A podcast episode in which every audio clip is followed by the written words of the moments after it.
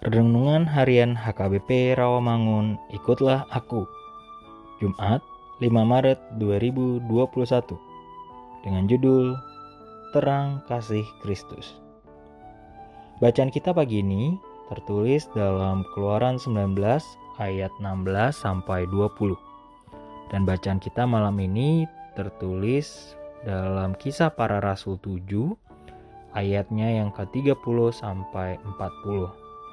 Dan kebenaran firman yang menjadi renungan kita hari ini adalah Mazmur 97 ayat 11 yang berbunyi Terang sudah terbit bagi orang benar dan sukacita bagi orang-orang yang tulus hati. Demikian firman Tuhan.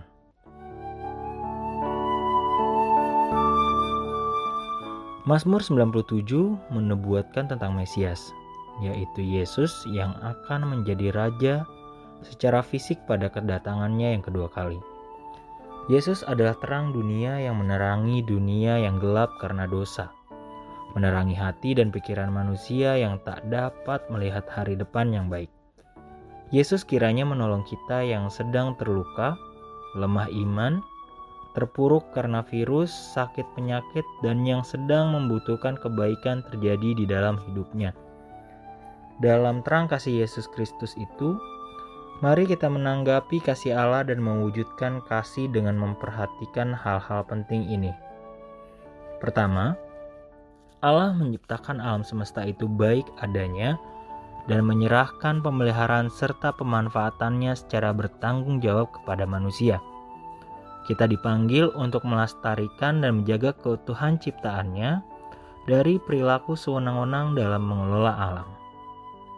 Kedua, berpartisipasi dalam berbagai usaha baik yang dilakukan untuk mengatasi persoalan-persoalan sesama dan kemasyarakatan. Jika kita dipenuhi kasih Kristus, maka lakukanlah itu. Yesus akan menolong kita.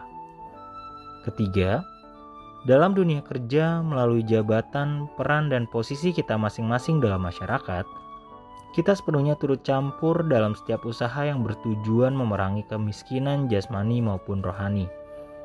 Jadilah kita saluran kasih Kristus untuk mencerdaskan dan memberdayakan, menyemangati dan menyejahterakan masyarakat.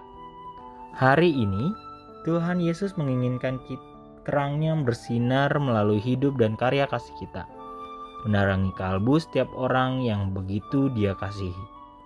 Salam terang Kristus.